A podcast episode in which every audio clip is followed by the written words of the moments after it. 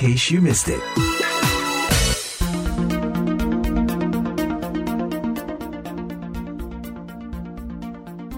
Inilah VOA Indonesia dari Washington DC. Jumlah pemilik kendaraan listrik di Amerika terus meningkat secara signifikan. And in case you missed it, kepemilikan kendaraan listrik atau EV, electric vehicle tersebut, kini telah menjadi tren yang meluas dalam dunia otomotif. Alasan kepemilikan beragam, mulai dari penghematan bahan bakar hingga perawatan yang minimalis. VOA menemui sejumlah diaspora Indonesia yang kini telah beralih dari memiliki kendaraan bermesin konvensional dan memilih untuk menggunakan kendaraan bermesin listrik.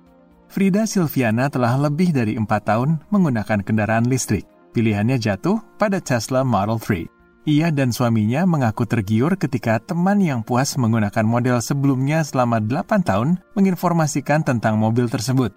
Menurut pegawai World Bank yang tinggal di kota Arlington, Virginia ini, perawatan yang ia lakukan untuk menjaga kondisi operasional mobilnya sangat minimal seperti menjaga tekanan udara pada ban dan cairan untuk wiper kaca. Keuntungan yang paling kami rasakan dari kepemilikan mobil listrik adalah lebih hemat karena kita nggak perlu perawatan rutin, kita nggak perlu lagi beli bensin, kita ada mobil satu lagi yang pakai bensin, itu kerasa banget bedanya untuk pengeluaran sehari-hari karena harga bensin sekarang makin tinggi dan kita juga lebih senang karena mobil listrik itu lebih ramah lingkungan dan gak bikin polusi udara. Penghematan biaya serta perawatan minimalis memang menjadi alasan utama para pemilik kendaraan listrik. Namun, Wendra Putra merasakan lebih dari itu. Diaspora Indonesia yang tinggal di negara bagian California ini selalu merasa bahwa kendaraan listrik merupakan masa depan kita. Ia yakin semua orang nanti akan menggunakan mobil listrik dan ia ingin mengadopsinya lebih awal. Hobi Wendra bermain mobil remote control membuatnya selalu mengikuti perkembangan teknologi baterai lithium polymer dan mesin listrik brushless atau mesin yang secara sinkronis menggunakan arus listrik langsung. Wendra juga memilih Tesla karena jaringan stasiun pengisian listriknya yang terintegrasi dengan alat GPS pada mobil sehingga dapat mengetahui lokasi sekaligus berapa yang tersedia dan berapa yang sedang digunakan pemilik mobil lain. Alasan yang sama juga diutarakan oleh Eko Prasetyawan, seorang systems engineer yang tinggal di negara bagian Maryland. Eko juga menunjuk regenerative braking atau sistem pengereman oleh mesin. Satu hal dengan mobil listrik itu adalah regenerative braking ya. Jadi ketika kita tidak neken gas lagi, ya itu kan dengan sendirinya ada engine braking lah ibaratnya demikian gitu. Jadi kanvas rem itu akan lebih awet. Hal tersebut, menurut Eko, menambah unsur rendahnya perawatan mobil listrik. Tidak perlu mengganti oli, filter, serta minyak-minyak mesin lainnya.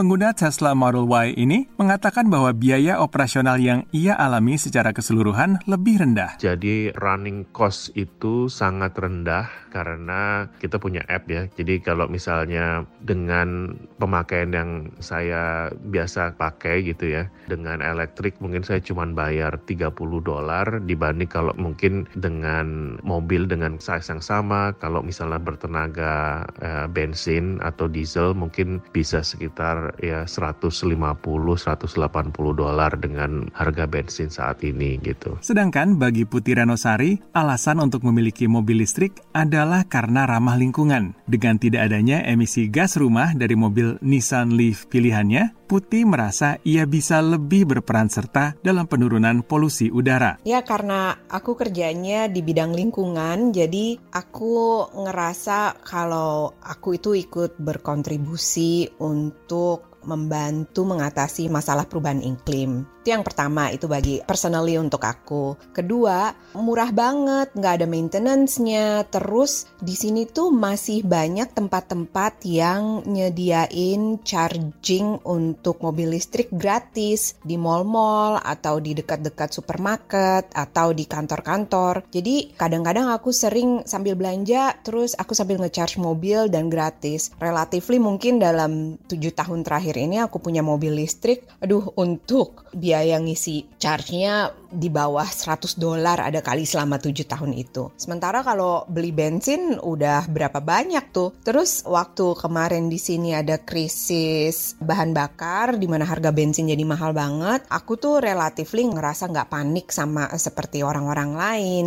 Karena ya memang nggak ada perubahan apa-apa untuk pengeluaranku untuk bahan bakar. Sama seperti para pemilik mobil listrik lainnya, Putih menyatakan tidak pernah atau jarang harus pergi ke bengkel untuk perawatan rutin.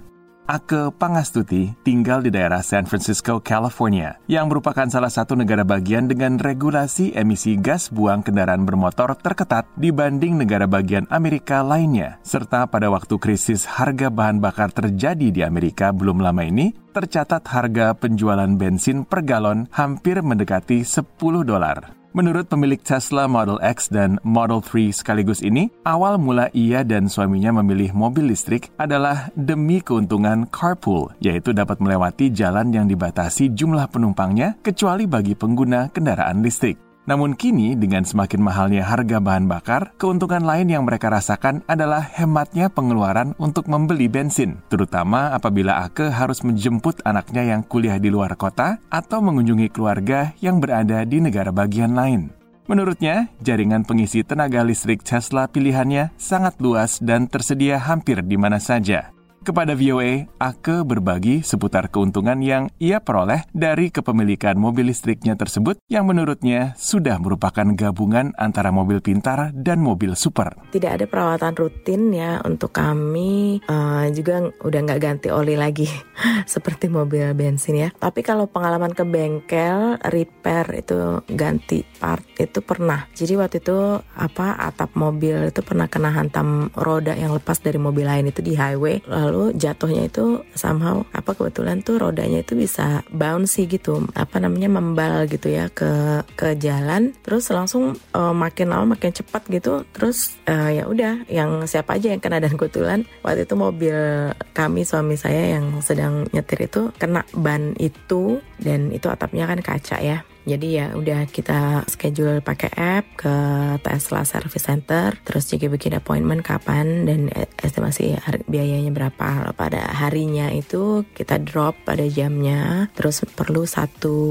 malam ya. Jadi besokannya di, dijemput lagi. Sampai saat ini uh, itu aja sih pengalaman ke bengkel keuntungan uh, atau manfaat lain lagi yang kami rasakan dari kepemilikan mobil listrik ya. Selain carpool sticker dan lebih hemat biaya transportasi itu juga mungkin ini lebih general ya ke mobil listrik uh, yang lainnya yang kompetitornya Tesla juga gitu ya. Itu kelebihan-kelebihan yang ada di smart car jadi mobil elektrik itu seperti smart car ya kalau menurut pengalaman saya. Ada fungsi-fungsinya smart car dan super car yang lebih menuju ke arah autonomous uh, driving gitu, self driving. Uh, tadi saya sebut supercar karena rata-rata mobil elektrik ini uh, mampu mencapai 60 miles dari zero ke 60 mile selama kurang lebih 3 detik ya uh, bedanya sedikit-sedikit antara manufaktur mobil yang lain Tesla dan kompetitornya. Terus juga tidak ada suaranya, jadi nggak gampang ditangkap polisi,